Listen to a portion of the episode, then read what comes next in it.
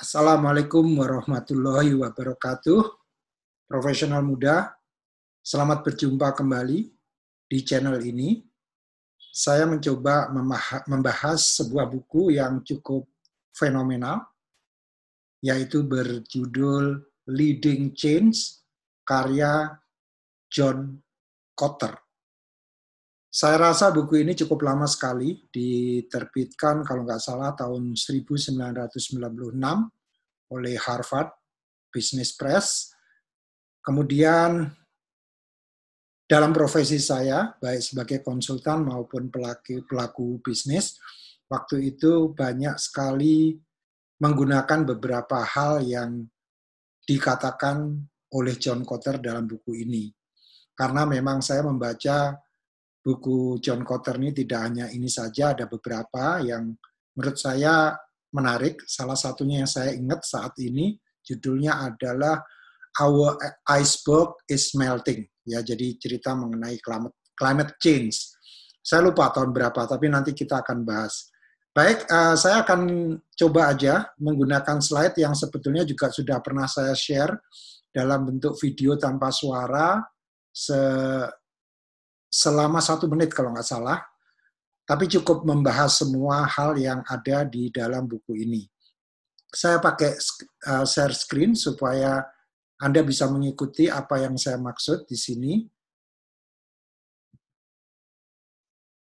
Baik, di sini kita lihat uh, leading change, jadi diawali dengan sebuah pertanyaan, apakah kita ingin suatu perubahan yang nyata, maksudnya di sini real change ya, artinya tidak hanya sekedar yang diangan-angankan tapi tidak terjadi. Kemudian apa teknik dan prinsipnya dan yang terakhir adalah bagaimana peran kepemimpinan. Makanya judulnya cocok sekali, Leading Change. Saya rasa ini eh, buku juga yang sangat bagus untuk kepemimpinan karena kepemimpinan tentu perlu adanya perubahan. Nah, mengawali bukunya, dia banyak bercerita mengenai mengapa perubahan gagal. Ya, jadi di sini kalau Anda lihat eh, jelas sekali bahwa beliau menginginkan bahwa suatu perubahan harus diawali dengan suatu pemahaman mengapa selama ini perubahan gagal. Ada delapan, ya saya akan sebutkan satu persatu secara singkat, karena yang penting nanti bagaimana mengatasinya. Pertama, terlalu banyak puas diri, jadi sudah merasa bagus. Kemudian yang kedua, uh, kurangnya koalisi yang yang kokoh. Jadi koalisi di dalam perusahaan itu kurang kokoh sehingga tidak bisa membawa ke perubahan yang diinginkan. Meremehkan kekuatan visi, ini visi ini penting sekali, tapi kita sering meremehkan Keempat, kurang komunikasi visi. Jadi sudah visinya diremehkan, tapi juga kurang adanya komunikasi, mungkin karena kita meremehkan. Kelima, membiarkan hambatan visi. Jadi biar visi itu terjadi, tentu ada hambatan-hambatan, tapi hambatan itu tidak diusahakan untuk diatasi. Keenam, tiadanya kemenangan jangka pendek, atau biasa disebut dengan quick wins Ketujuh, menyatakan kemenangan terlalu cepat. Dan kedelapan, mengabaikan perubahan budaya. Karena dalam setiap perubahan selalu ada perubahan budaya yang menyertainya. Kemudian bagaimana tahapan perubahan? Sebetulnya ini kalau saya pelajari dari bukunya, jelas sekali bahwa John Kotter memulai dengan kegagalan tadi sebagai dasar bagi dirinya untuk mengusulkan bagaimana mengatasi kegagalan itu. Jadi tahapannya menjadi delapan juga gitu. Jadi ini semua berdasarkan riset yang dia lakukan. Pertama menciptakan urgensi yang tinggi. Ya, supaya apa? Supaya kita tidak uh, apa tidak puas terhadap apa yang sudah dicapai ya. Jadi harus ada urgensi tinggi. Jadi kepuasan yang selama ini sudah menjadi katakanlah sebagai uh, market leader gitu ya sehingga lupa bahwa market leader itu bisa digempur ya kita bisa ambil contohnya misalnya dulu waktu uh, saya ingat sekali contoh Xerox ya di Amerika pada saat itu saya rasa masih sekitar 80-an atau 90-an gitu ya. Sulit sekali Xerox itu dikalahkan oleh mesin fotokopi lainnya. Ya, jadi setiap ada merek lain pasti kalah sama Xerox. Bahkan orang Amerika itu begitu bangga sekali dengan Xerox. Saya masih ingat bos saya di McDermott dulu namanya Clint Anderson. Dia kalau ngasih memo ya sebelum dia copy gitu, dia selalu kasih XC Gatot gitu ya. Saya akhirnya tanya, apa maksudnya XC? Ternyata Xerox copy. Jadi mereka nggak pakai CC istilahnya, XC gitu. Jadi Xerox copy. Karena memang mendominasi. Nah, akhirnya pendatang-pendatang baru nggak ada yang berani untuk bisa mengalahkan Xerox, Xerox itu. Kemudian pemain kecil Jepang gitu, uh, saya lupa mereknya Canon atau Ubix ya, itu mencoba masuk dengan cara berbeda. Jadi tetap menawarkan fotokopi, tapi caranya berbeda, yaitu dengan apa? Menyewakannya. Ya, jadi yang punya ide menyewakan mesin fotokopi waktu itu pesaingnya Xerox yang sudah menjadi market leader. Jadi bagi penantang-penantang baru ini memberikan pelayanan yaitu menyewakan mesin itu lebih baik daripada jualan yang penting revenue dapat dan ternyata model bisnis seperti itu kita pakai hingga sekarang ini. Jadi kalau Anda di kantor Anda ya biasanya mesin fotokopi kemungkinan besar bukan milik Anda, bukan milik kantor tapi sewa dari perusahaan yang menyewakan mesin itu. Ya, jadi ini uh, perlu menciptakan urgensi tinggi supaya uh, tidak ter termakan oleh kompetitor baru gitu. Jadi Xerox waktu itu terlena, udah puas diri gitu ya. Jadi uh, perlu ada urgensi tinggi untuk mengatasi perubahan ini karena salah satu kegagalan perubahan adalah karena cepat puas diri. Kemudian yang kedua menciptakan koalisi yang kokoh. Jadi di sini adalah mengatasi bahwa di dalam suatu perubahan tidak mungkin dilakukan oleh satu atau dua orang, tapi perlu adanya teamwork yang kokoh. Dan ini dibentuk dengan dukungan penuh dari CEO atau Board of Directors yang langsung menggawangi atau memimpin proses perubahan ini. Tanpa ada koalisi, menurut John Kotter, tidak akan terjadi perubahan. Kemudian perlunya mengembangkan visi dan strategi. Ya, jadi visi ini ternyata sangat penting sekali. Ya, jadi kalau kita tidak memiliki visi, bagaimana kita bisa melakukan suatu perubahan? Contoh lagi ini kisah yang sangat lama sekali. Ya, jadi tahun mungkin juga 90-an waktu itu masih uh, getol-getolnya istilah bisnis proses re-engineering ya. Dulu uh, ngetop banget itu uh, bukunya James Champy bahkan banyak perusahaan yang melakukan re-engineering setelah membaca buku itu. Di situ ada contoh visi yang bagus sekali dari FedEx ya. Dia menekankan bahwa visi yang baru visi yang bagus harus berorientasi kepada sesuatu yang belum pernah bisa dilakukan orang lain, berorientasi pada operasional, dan bisa diukur. Ya, jarang sekali ya biasanya visi kan uh, banyak yang bilang itu bahasa dewa gitu, tapi justru FedEx membuat visi we deliver your package next day before 10:30 ya. Nah, waktu itu di Amerika tidak ada yang bisa mengirimkan paket next day di seluruh Amerika ya sebelum 10.30 itu nggak ada, atau 24 jam lah ya. Tapi FedEx berani melakukan itu, dan memang jeblok. Tahun pertama hanya bisa deliver 50% gitu. Tapi Fred Smith waktu itu berani untuk uh, menggempur visinya dia dengan kerja keras, bahkan dia bikin apa fleet yang khusus ya untuk pengiriman ini dan akhirnya tercapai seluruh Amerika dikirim sebelum 10.30. Dan itu diukur semua. Jadi ini kekuatan visi. Mengkomunikasikan visi perubahan, jadi kalau visi perubahannya jelas, berorientasi operasi, dan terukur, mudah seperti FedEx tadi. Kemudian yang kelima, memberdayakan karyawan untuk take action, untuk bertindak. Jadi jangan hanya karyawan itu di apa di diperintah hanya uh, diperintah kemudian bekerja, tapi harus karyawan sendiri dibiasakan punya inisiatif untuk bertindak. Yang keenam menghasilkan kemenangan jangka pendek, quick wins, karena kalau nggak ada kemenangan jangka pendek, kita nggak tahu apakah perubahan kita berhasil atau tidak. Kemudian yang ketujuh mengkonsolidasikan manfaat perubahan, benefitnya apa, dan menciptakan perubahan baru yang lain. Jadi uh, mengkuantifisir benefit itu penting sekali supaya kita bisa melakukan perubahan yang lain. Dan yang terakhir mengokohkan budaya baru karena yang namanya perubahan kayak tadi FedEx melakukan delivery dalam 24 jam itu perlu budaya baru yang tidak pernah bisa menunggu bahkan bisa menjalankan tujuh hal yang di atas ini mulai dari urgensi, koalisi, visi, komunikasinya, pemberdayaan kepada karyawan, ya, sampai mengkonsolidasikan manfaat perubahan. Jadi ini delapan tahap perubahan sukses versi John Kotter. Nah, menurut dia juga sebuah organisasi tidak dapat mencapai apa yang diinginkan melalui hanya perubahan kecil.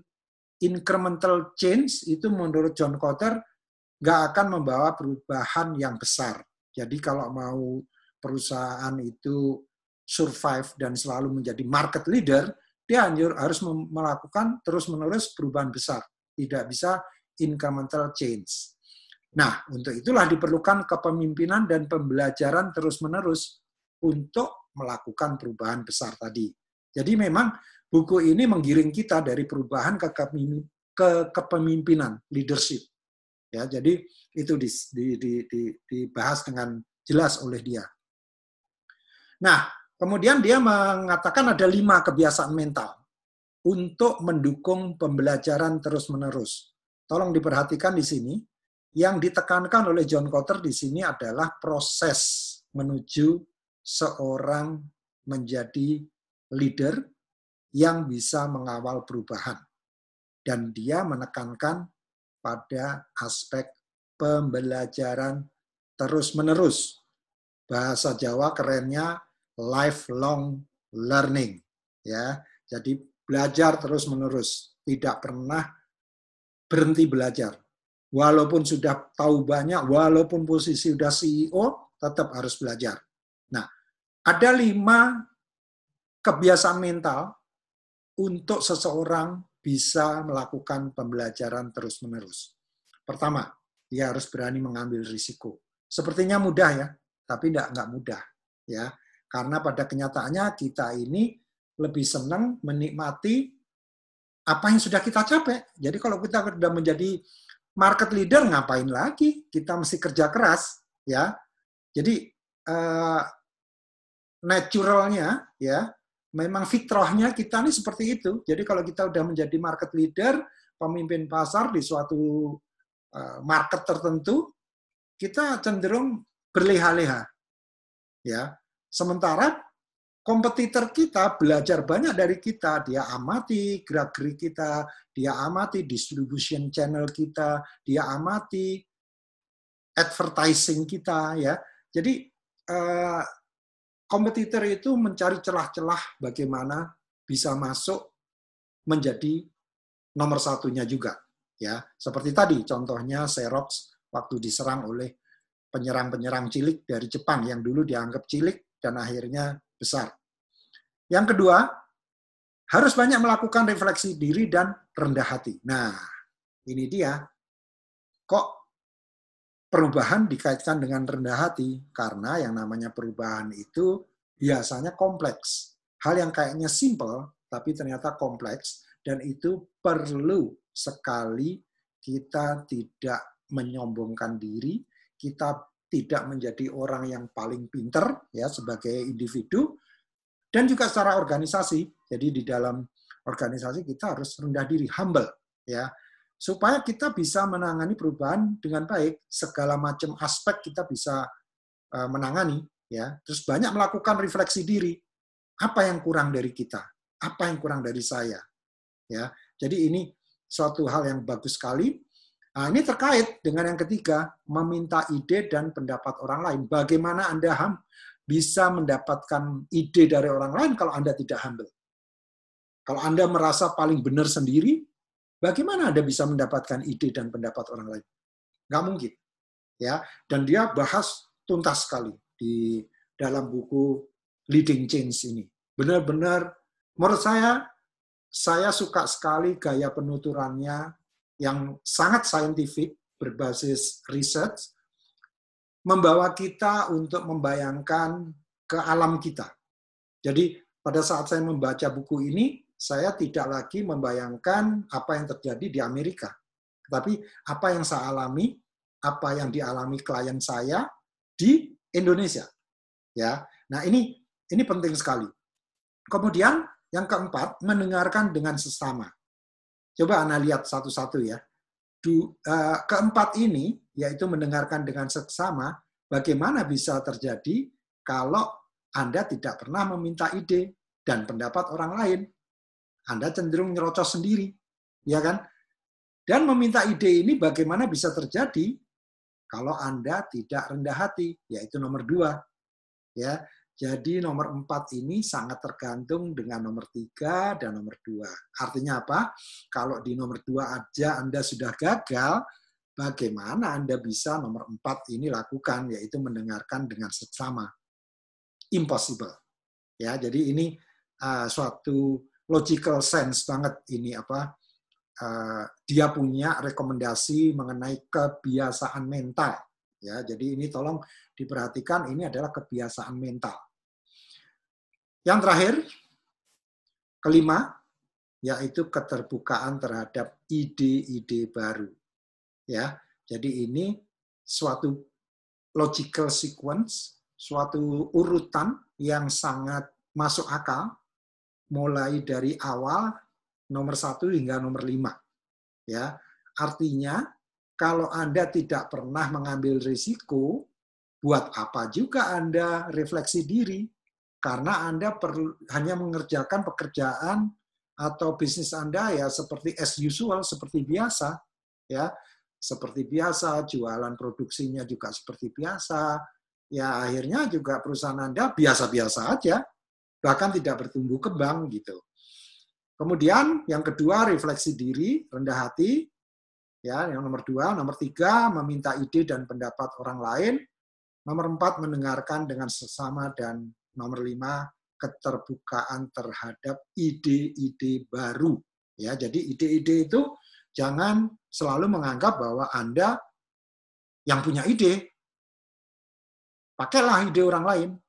Ngomong-ngomong, mungkin Anda sudah tahu semua bahwa yang namanya mouse pertama kali yang menggunakan siapa?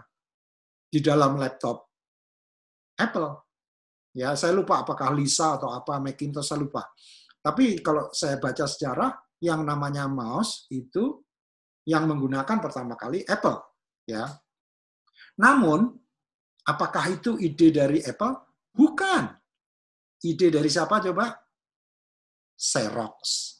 Ya, jadi saya lupa ceritanya, tapi intinya orang-orang Apple pernah, mungkin Steve Jobs diundang ke Xerox dan belajar melihat, loh, ada suatu clicking button yang menarik gitu. Makanya dikembangkan menjadi mouse oleh Apple. Ya. Nah, kemudian di ujung dari buku itu dia menekankan sangat menekankan bagaimana memimpin perubahan yang sukses. Nah, tolong dicatat di sini perubahan yang sukses ini dan memimpin ini bukan berarti harus seorang CEO pada level Anda pun, Anda juga memiliki derajat kepemimpinan. Ya, sekurangnya Anda memimpin diri Anda sendiri. Tapi dalam dunia nyata tidak. Pada dasarnya Anda memimpin bahkan CEO Anda. Kenapa bisa begitu? Karena ini di buku lain, Real Change Leaders, ya, kalau nggak salah itu bukunya Kastenbach, ya itu juga bagus banget buku. Nanti kita review juga. Dia mengatakan bahwa real change leaders is not the CEO, bukan CEO. Anda-anda semua ini, profesional muda ini, saya nggak peduli lagi jabatan Anda. Apakah Anda baru masuk seorang karyawan, kemudian atau seorang pegawai yang bekerja lima tahun, seorang supervisor, seorang manajer, nggak ada nggak ada urusan dengan itu, sama sekali nggak ada urusan, ya, karena leadership is within you, inside yourself, gitu. Jadi kalau anda punya kepemimpinan, ya, perubahan apa pun dari ide siapa pun anda akan bisa melakukannya, ya. Di Eh, sesi podcast yang lain atau di Instagram Live yang lain, saya membahas mengenai change management itu dalam tiga hal, yaitu tahu, mampu, dan mau. Ya, saya buat sederhana. Setelah saya membaca banyak buku, mungkin ratusan buku, saya sudah lupa. Dan artikel tentunya ya, saya punya artikel Harvard Business Review banyak sekali, dan akhirnya saya merangkum dalam bahasa yang sederhana. Kembali kepada John Kotter, dia menekankan pentingnya aspek leadership. Makanya judulnya Leading Change. Ya, pertama, dia nggak peduli apakah Anda sekarang sudah menjadi seorang leader dalam artian posisi. Ya, tapi yang dia pedulikan adalah seberapa hasrat Anda melakukan pembelajaran terus-menerus. Ya, Nah, begitu saya mengatakan pembelajaran terus-menerus, mungkin di benak Anda langsung, wah, berapa kali ya saya di training sama perusahaan saya? Bukan itu. Pembelajaran terus-menerus itu tidak tergantung pada siapa bos Anda, di perusahaan mana Anda bekerja. Tapi seberapa jauh Anda sendiri pengen terus-menerus belajar. Setiap orang berbeda-beda saya punya teman yang uh, bisa dikatakan CEO sukses. Saya sebut aja namanya Nico Kanter. Dia sukses dan salah satu kunci suksesnya karena dia memiliki EQ atau kecerdasan emosi yang luar biasa, bagus sekali. Nah, dia mengatakan ke saya, kalau saya mau baca buku, saya tinggal hubungi Gatot. Ya, karena memang saya pembaca buku gitu ya. Jadi artinya apa? Saya nggak memaksakan bahwa belajar ini Anda harus belajar baca buku, enggak. Cuman Anda benar-benar punya keinginan menginvestasikan diri Anda, waktu Anda, uang Anda untuk belajar. Ya. Kalau perusahaan Anda menyekolahkan Anda, memberi training, alhamdulillah. Tapi kalau Anda hanya menunggu dari perusahaan memberi training, lupakan. Anda bukan seorang change leader. Ya, Anda harus punya hasrat yang tinggi sekali untuk belajar. Bukan sombong, saya beli buku itu banyak sekali, pokoknya sebulan itu bisa, kecuali bulan-bulan ini ya, saya agak agak jarang beli buku karena sudah numpuk gitu. Uh, bisa lima, kadang-kadang empat, 10 ya. Jadi eh, berapapun saya nggak peduli, tapi bagi saya buku itu saya melihat buku itu udah kayak apa ya? Ini eh, energi saya tuh langsung adrenalin tuh naik gitu. Jadi belum dibaca aja udah semangat gitu, apalagi dibaca gitu. Nah, kembali ke ini, jadi belajar terus-menerus ini kenapa saya spend cukup lama di sini? Karena ini penting sekali dan Anda jangan sampai terkecoh, tidak berani tidak mau menginvestasikan diri Anda untuk belajar. Ya.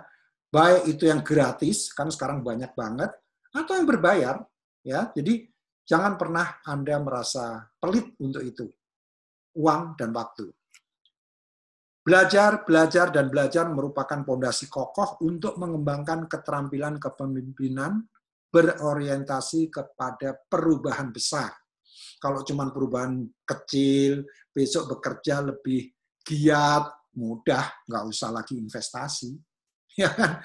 Udah Anda kerja seperti sekarang aja, gitu nggak ada masalah gitu. Tapi kalau you want a big change in your life, in your career, invest in yourself. Jangan pernah merasa pelit. Ya, jangan pernah merasa pelit. Saya juga teman-teman ada Niko, ada Ica juga sama-sama waktu itu berangkat ke Singapura hanya belajar satu subjek EQ, kosnya sekitar 40 jutaan gitu ya. Ya, keluar dari kocek sendiri. Ya siapa yang membayarin saya orang saya nggak nggak bekerja sama siapa-siapa. saya hanya bekerja untuk Allah Subhanahu Wa Taala. Ya, tapi saya yakin dengan saya invest di situ, saya berani ngomong sekarang kan.